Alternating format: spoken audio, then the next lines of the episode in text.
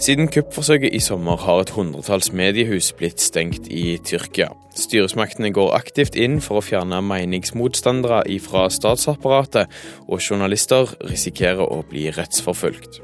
Hva er igjen av den frie pressen i Tyrkia, og hva gjør tyrkiske journalister for å kjempe mot i kampen for ytringsfrihet? Det er det det skal handle om i dagens utgave av Kurer. Rett etter at jeg flytta til Tyrkia, så skjedde det et stort angrep i Ankara. Eh, et stort terrorangrep hvor over 100 mennesker ble drept den 10. oktober 2015. Eh, da Silje Rønning Kampesæter kom til Tyrkia, hadde hun akkurat blitt Midtøsten-korrespondent for Aftenposten. Det er ganske nøyaktig et år siden en demonstrasjon mot den økende spenningen mellom militære og kurdiske motstandsstyrker ble holdt utenfor togstasjonen i Ankara. Ingen vet at de holder på å bli vitne til det blodigste terrorangrepet i moderne tyrkisk historie.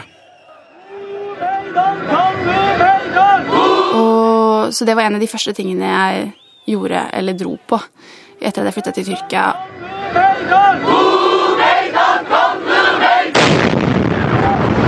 To bomber gikk av nær folkemengden. 103 mennesker ble drept, 500 såra. Noen springer fra stedet, andre kommer til for å hjelpe de som ligger på bakken. Når Kampesæter kommer dit, skal hun rapportere for Aftenposten om hva som har skjedd. Det var på en måte mitt første møte med politi og med eh, systemet, kan man kanskje si. da. Og, og, allerede da fikk man et sånt inntrykk fordi folk er veldig Da skjønte jeg veldig fort at folk er veldig redde for å si ting. Uh, og jeg fikk allerede da et godt inntrykk av hvordan folk oppfører seg i sånne sensitive situasjoner. At de er redde for å gi informasjon, de er redde for å kritisere noen. Uh, og de, man, de, som faktisk gjør det, de skal man kanskje være litt uh, ekstra obs på. Fordi enten så er de bare utrolig tøffe og føler at de ikke har noen ting å tape. Eh, eller så, så, er den informasjonen de gir, kanskje grunn til å tvile litt på den, eller hvem de da kanskje er. Bare i forrige uke ble 20 radio- og TV-kanaler stengt av den tyrkiske staten. Men Kampesæter sier at forholdene har vært vanskelige lenge. Hun skulle egentlig jobbe fra Tyrkia i to år som Aftenpostens korrespondent, men oppholdet fikk en brå slutt. Her er NRK Dagsnytt klokka 23 ved Helge Jøssing. Aftenpostens korrespondent i Tyrkia, Silje Rønning Kampesæter, er erklært uønsket i landet. Ifølge avisen har tyrkiske myndigheter gjort innsigelser mot hennes forlovede, som flyttet til Istanbul sammen med henne i fjor. Mannen er tysk statsborger og har vokst opp i Tyskland. Hans foreldre er også tyske statsborgere, men har kurdisk bakgrunn. Ja, øh, jeg fikk jo da journalistvisum før jeg reiste øh, hjemmefra, fra Norge, og kom til Tyrkia. Eh, og så, når man kommer til Tyrkia, så søker man da eh, pressekort. Eh, og da kan man søke midlertidig eller permanent. Og hvis du skal bo der, så trenger du permanent. Og i midten av november, en sånn, i en sånn samtale, så fikk jeg beskjed om at den søknaden er blitt avslått. Og da ba jeg om å få det i det minste skriftlig, men fikk beskjed etter hvert fra da pressekontoret i Tyrkia om at jeg ikke kom til å få en skriftlig begrunnelse. Så det var bare da den telefonsamtalen jeg hadde å forholde meg til. og så kobla vi inn eh, rett og slett Oslo, redaktørene i Oslo, for å ta saken videre. For da er det ikke så mye mer jeg får gjort fra Tyrkia. Og de engasjerte seg, og, og utenriksministeren engasjerte seg eh, for å prøve å se om det skjedde en misforståelse. Eller om vi kan i det minste få en begrunnelse og ikke minst få det skriftlig, for da kan man jo kanskje anke eller ja, noe sånt. Men det, det ga heller ikke resultater, så da i desember så fant vi ut at uh, visumet mitt som jeg hadde fått før jeg reiste fra Norge, det varte til januar, men det var et engangsvisum. Så da fant vi ut at uh, jeg måtte reise i desember og velge meg en ny boplass i Midtøsten, rett og slett. Det er Aftenposten som har erfart at Kampesæter ikke fikk pressekort pga. sin mann med kurdisk slekt. Den tyrkiske ambassaden i Oslo svarer på si side at Kampesæter ble funnet uegnet til å få pressekort, og at hun verken har fått innreiseforbud eller har blitt utvist fra landet. Det siste halvåret har Kampesæter jobba fra Jordan, og hun har nå valgt å avslutte kontrakten med Aftenposten og flytte nordover. Men eh, jeg er fortsatt veldig glad i å jobbe i Midtøsten. Så jeg kommer til å flytte til London og bruke det som base, og så fortsette å reise til Midtøsten forhåpentligvis, og litt, jobbe litt i Storbritannia også. Kampesæter sier at hun opplevde at det ble dårligere forhold for journalister allerede da hun var i Tyrkia i fjor. De tok jo, Myndighetene tok over Today Saman, som er en eh, Det er en Gulen-avis. Og det er jo sånn, det er jo til og med journalister selv i Tyrkia sier jo det at noe, Nå gjelder jo det for øvrig overalt, at det er ikke noen nøytrale journalister. Men det er ikke bare det, men alle har et standpunkt, og det standpunktet er ofte veldig sterkt. Eh, så det er jo veldig tydelig hvilke aviser ofte som hører til hvor. Eh, I hvert fall veldig mange av dem. Og Today Saman var en sånn en. Og myndighetene tok over den avisen, satte inn sånne formyndere. La vel nærmest ned den engelske versjonen. Og, og, ga alle som ytret seg kritisk, og en hel haug med andre, sparken. Um, og det var helt uh, ekkelt å se hvordan den avisen forandret seg fra én dag. Fordi uh, fra å være en sånn kritisk opposisjonsavis til å, til å plutselig være en sånn pro regjerings uh, talerør med store, fine, pompøse bilder av myndighetspersoner det var helt underlig, og det, det skjedde lenge før kuppet. Tida i Tyrkia gjorde inntrykk på Kampesæter, og det tok ikke lang tid før hun følte at noen fulgte med på hva hun rapporterte. En, det, Tyrkia var en ny opplevelse. For jeg har levd med Altså, man antar at man er digitalt overvåka og tar forholdsregler deretter, med krypterte eh, mobilapper og e-post og sånne type ting. Eh, men den fysiske biten var et veldig nytt aspekt for min del. Kampesæter følte seg tidvis forfulgt, men har ingen bevis på om det faktisk forekom, og hvis så, hvem som sto bak. Hun forteller at hun måtte jobbe med seg sjøl for å ikke la det påvirke måten hun rapporterte tilbake til Aftenposten på. Navnet hennes har i seinere tid dukka opp i e-poster lekka fra det tyrkiske statsapparatet. Ja, det var rett etter kuppet hvor disse er det 300 000 e-postene fra da det regjerende partiet AKP, medlemmer fra det partiet sine e-poster, som ble lekket. Eh, og det er veldig vanskelig. Det de kom ikke noe sånn kjempekonkret ut av det. Det var veldig Ja, det var ikke noe sånn masse informasjon i de akkurat. Men det var litt sånn småting, og navnet mitt eh, dukket opp i, i en av de e-postene eh, med en link til en mappe. Den mappen har vi ikke tilgang til, så det vet vi jo ikke hva er i den mappen. Men tittelen på e-posten var eh, det var eh, PKK slash skråstrek, altså eh, Gulen-journalister. Så det var mitt navn, eh, ei som ble kasta ut et år før meg, og en som ble kasta ut rett etter meg. Så det var jo Jeg valgte jo å ikke reise til kuppet nå når vi skulle dekke det, fordi jeg var litt anspent. Litt redd for hvordan det ville bli oppfatta. Men det var jo før jeg visste om e-postene, men da e-postene kom en knapp uke seinere, så var jeg veldig glad for den avgjørelsen. Kurdiske PKK blir ansett som en terrororganisasjon av Nato. Gulen er bevegelsen som styresmaktene i Tyrkia sier sto bak kuppforsøket i sommer. Jeg sa jeg skulle fortsette å dekke Tyrkia med samme styrke, men jammen er det vanskelig, fordi veldig mange av de kildene man har i Tyrkia, um, de foretrekker å være anonyme. Uh, og det, det, du er med på å skape et bilde. Da. Du snakker med folk i hverdagen. Så, så, selv om du på en måte ikke er i en intervjusituasjon, så får du et helt annet bilde, et helt annet inntrykk, enn når du sitter og ser på utenifra. Så selv om jeg har kontakt med mange av de jeg hadde kontakt med før via krypterte apper og sånn, så, så, får du ikke bredde da, i kildeutvalget ditt på samme måte som det du gjør når du bor der. Uh, så det har vært kjempevanskelig å fortsette å dekke Tyrkia, og, men jeg tør rett og slett ikke å reise tilbake med det første. Etter kuppforsøket har det blitt innført tre måneders unntakstilstand, noe som har bidratt til å øke presset på ytringsfriheten ytterligere.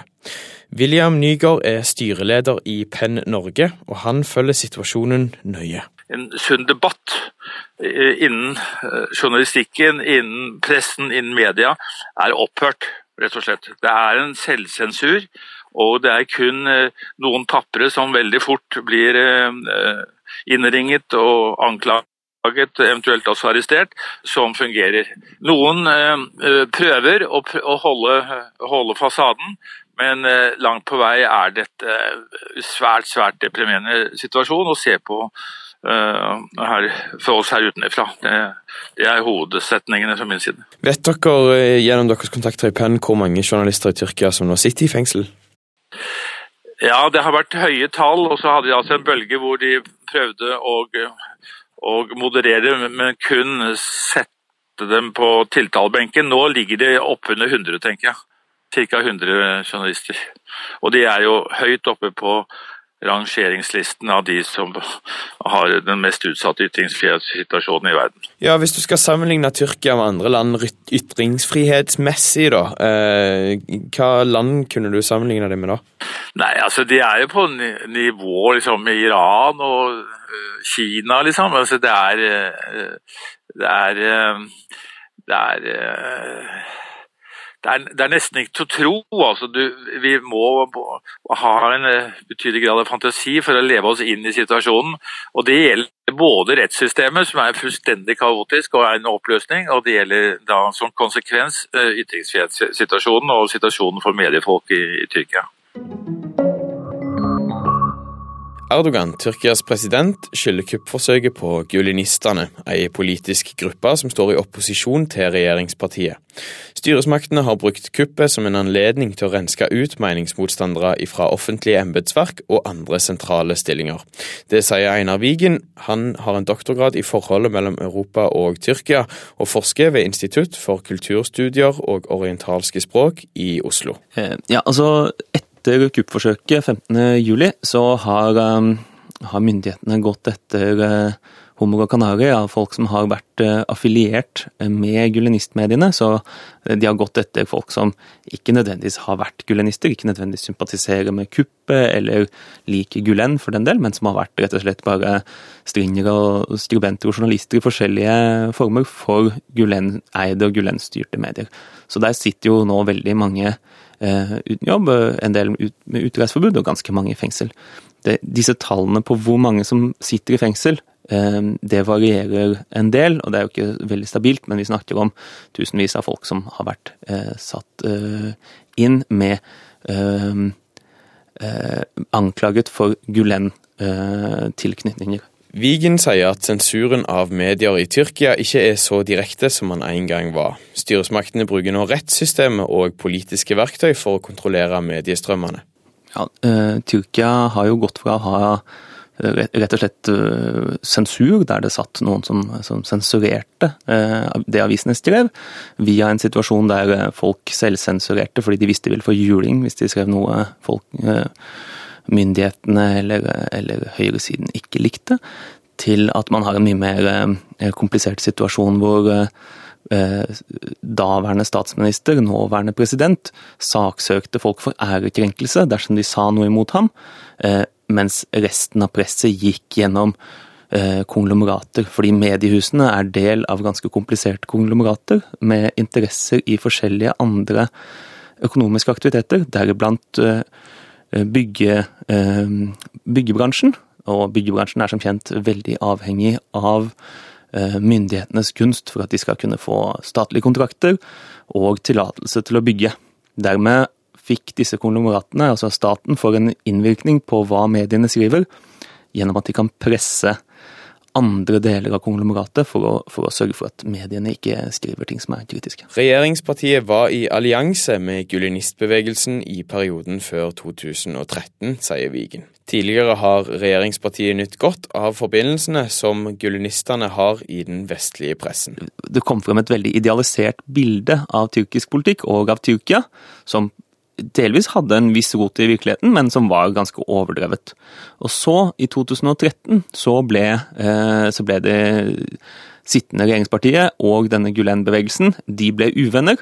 Eh, de røk uklar, og da eh, begynte denne, disse mediehusene istedenfor å, å vise frem dette idealiserte bildet av Tyrkia, så begynte de å skrive veldig negativt, og tok tak i alle negative rykter, sanne og usanne, og på en måte blåste det opp.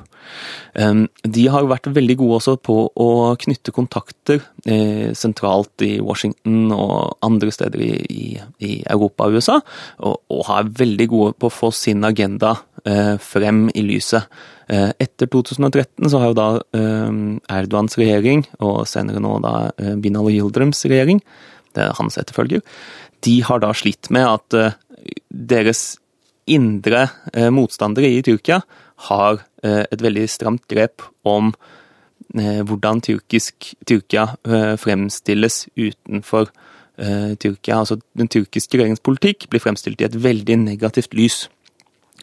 Jeg vil vel si at delvis er dette her velfortjent, men kontrasten mellom før og etter 2013 er ikke så sterk som man kanskje skulle tro ut ifra hvordan det skrives om Tyrkia utenfor Tyrkia.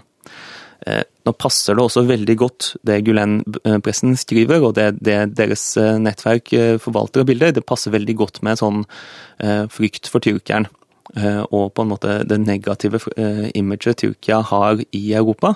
Så de, de, er veldig gode på å spille på dette her. Men den tyrkiske regjeringen har da respondert etter kuppet, eller før kuppet for så vidt også, med, med å sette disse Gulen-avisene og Gulen-TV-kanalene under statlig administrasjon, utpeke sine egne folk med nære forbindelser til eh, Erdogan og til regjeringen, eh, og å, å, legge om den linjen. Særlig i fjor høst så var det en veldig stor eh, kampanje mot Gulen-pressen i Tyrkia. så de, de, tok rett og slett og eksproprierte eh, tyrkiske eh, gulenistmedier. Eh, og etter kuppet som eh, skjedde, eller kuppforsøket i sommer, som, som de skylder på eh, Gulen-bevegelsen, så har de da rett og slett bare lagt ned disse avisene og mediekanalene. Mens William Nygaard i Penn Norge sammenligner situasjonen i Tyrkia med den i Iran og Kina, mener Vigen at det fins en forskjell. Altså Det er veldig mange journalister, det er veldig mange som faktisk tar den risikoen og, og si det de mener. og Det er jo kanskje derfor det er så mange i Tyrkia som er i fengsel. Fordi journalistene har en forventning om at det skal være ytringsfrihet. Andre steder som har denne typen autoritære regimer, så har ikke journalistene eller mediehusene en forventning om at ytringsfrihet skal ligge til grunn for hvordan man skal oppføre seg i offentligheten. Så de er allerede mye mer forsiktige. I Tyrkia så er det jo dette her rett og slett at de er veldig sta, disse journalistene. De tar veldig stor risiko, og det er det som gjør at man har en rest av en kritisk offentlighet igjen, men gjerne i marginene, eh, som lever ganske risikofylt eh, liv. Og, øh, og risikerer fengsel øh, og juling, øh, rett og slett.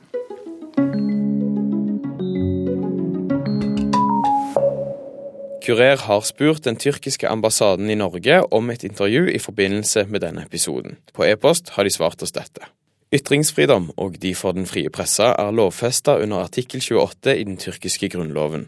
Tyrkia har styrka vernet om alle frie individuelle retter i lovlige reformer, hand i hand med Tyrkias innmeldingsprosess i EU. Hvordan Tyrkia håndhever sine lover, og hvordan dette blir portrettert i media, er to ulike ting. Et eksempel er journalister i rettssystemet. Om en ser nøye på hver enkelt sak, vil en se at disse personene ikke er under granskning for deres journalistiske aktivitet, men for handlinger som ligger utenfor deres rolle som journalister. Terroristkuppforsøket den 15. juli endra på enkelte ting. På grunn av viktigheten av å få bukt med situasjonen forræderne skapte, måtte styresmakten handle raskt og bestemt, både mot de ulovlige og de lovlige delene av FETO-organisasjonen. Suspensjonene og nedstengingene som etterfulgte kuppet er en del av forebyggende tiltak som styresmaktene måtte ta. Disse tiltakene har ført til stenging av noen mediekanaler og suspendering av deres leiinger, der det har blitt bevist at disse hadde direkte tilknytning til kuppmakerne og deres nettverk. Å sammenligne Tyrkia med land som Iran og Kina er urettferdig. Tyrkia gir sine borgere rett til å appellere både til landets forfatningsdomstol og til Den europeiske menneskerettsdomstolen. Høringene mot de som har sikta etter kuppet vil gradvis ta til mot slutten av året. Det vil være en transparent, rettslig prosess basert på tyrkisk lov mot de som er arresterte. Dette skriver Hami Balji, tredjesekretær ved den tyrkiske ambassaden i Oslo, til Kurer. En av de som kjemper for ytringsfriheten i Tyrkia, er 75 år gamle Sanar Irdatapan. Han måtte flytte fra Tyrkia pga. måten han og kona hans kritiserte regimet på 80-tallet. It was between uh, 1980 to 1992, 12 years long. I was in exile in Germany. Han har bakgrunn fra musikkindustrien, men da han på begynnelsen av 90-tallet flytta tilbake til Tyrkia, I've promised myself to spend at least half of my life for human rights uh, uh, defending. Burada sanıldığı gibi öyle klasik bir savunma yapacak değil. en tyrkisk rettssak i 1995. Forfatteren Yesar Kemal er blitt stilt for retten pga. brudd på antiterrorlover. Grunnen var at han skrev en artikkel i den tyske avisa Der Spiegel der han anklagde den tyrkiske hæren for å ødelegge kurdiske landsbyer. For å støtte opp om Kemals ytringsfrihet grunnla Sanar i Datapan organisasjonen Initiative for Freedom of Expression. Well, I was person who started it. Organisasjonen har ingen overhoder, ikke noe hovedkvarter og ingen formell struktur. Because there was no uh, nobody, no uh, office, etc. for that. Well, they were not able to come and seal any place and uh, ban any organization. De som er med i Initiative for Freedom of Expression, er med på eget ansvar og må sjøl stå for de handlingene og ytringene de kommer med. Likevel har det vist seg at det å stå samla er et kraftfullt virkemiddel i kampen for ytringsfrihet.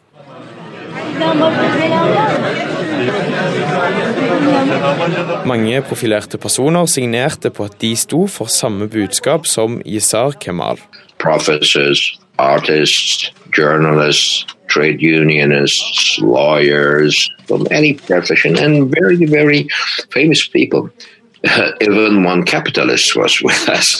Yurdatapan tvang på den måten den tyrkiske stat til å opprette sak på 185 personer. Tanken var at det er vanskeligere for myndighetene å sende nesten 200 profilerte personer i fengsel enn det er å sende én. Uh, even if we disagree with the content, we will still put our signatures under it and go to the prosecutors and blame ourselves with the same so called crime. We are not being tried there. We are trying the state and judiciary. Urdatapan forteller at de gjorde det samme i om lag 50 andre rettssaker. Personer i Initiative for Freedom of Expression meldte seg som medskyldige i ytringer som ble rettsforfulgt enten pga. fornærmelser av statsoverhodet eller pga. terrortilknytning. På midten av 2000-tallet begynte det imidlertid å roe seg. We, uh, it was not necessary to do it anymore. This is why it was stopped by itself. We thought that it was a part of the history, Det var inntil i år. but now we see that we have to repeat it over and over. Görün duyun artık bizi. Det hele begynte da læreren Aysar Celik ringte fra Diyarbakir og til et populært TV-show en fredagskveld i januar i år. NRKs utenrikskorrespondent Sissel Wold rapporterte i Urix om Aisha Kelik, læreren som har blitt stilt for retten etter at hun ringte inn til et debattprogram og fortalte om ødeleggelsene hun har sett. Nå er hun anklaga for å spre propaganda for kurdiske PKK. Good that you're having fun there, but here there's a tragedy. People are being killed. Women, children, old people. This is what she said. Dette er én av de rundt ti aksjonene som Initiative for Freedom of Expression har hatt i år. Hmm. Is how. I have to Yes. ask you, I can't help noticing when you talk to me that although this is very serious business and it seems like you've put your, uh, you, you've been imprisoned and uh, for what you've been doing and you've been in exile, I can't help noticing that when you talk to me about this, sometimes you are laughing. You're, you're telling it like it's a funny story. How come? Because it has been 21 years. I told you we started in 1995. And I experienced that. In order to avoid uh, such things, the best thing you can do is shout out loud. When you uh, are, uh, of course, everybody has fears, including me. But if uh, the judges and prosecutors feel that you are afraid, then you go, I'm to put you in that. But when you say, okay, do it, do it. It's, this is a crime. I'm committing this. Do whatever you wish. Then immediately they don't know what to do because they didn't experience uh, such a thing. Urdata Pan sier at når en viser at en ikke er redd, og at en er beredt til å gå i fengsel for det en tror på, så vet ikke lenger styresmaktene hva de skal gjøre.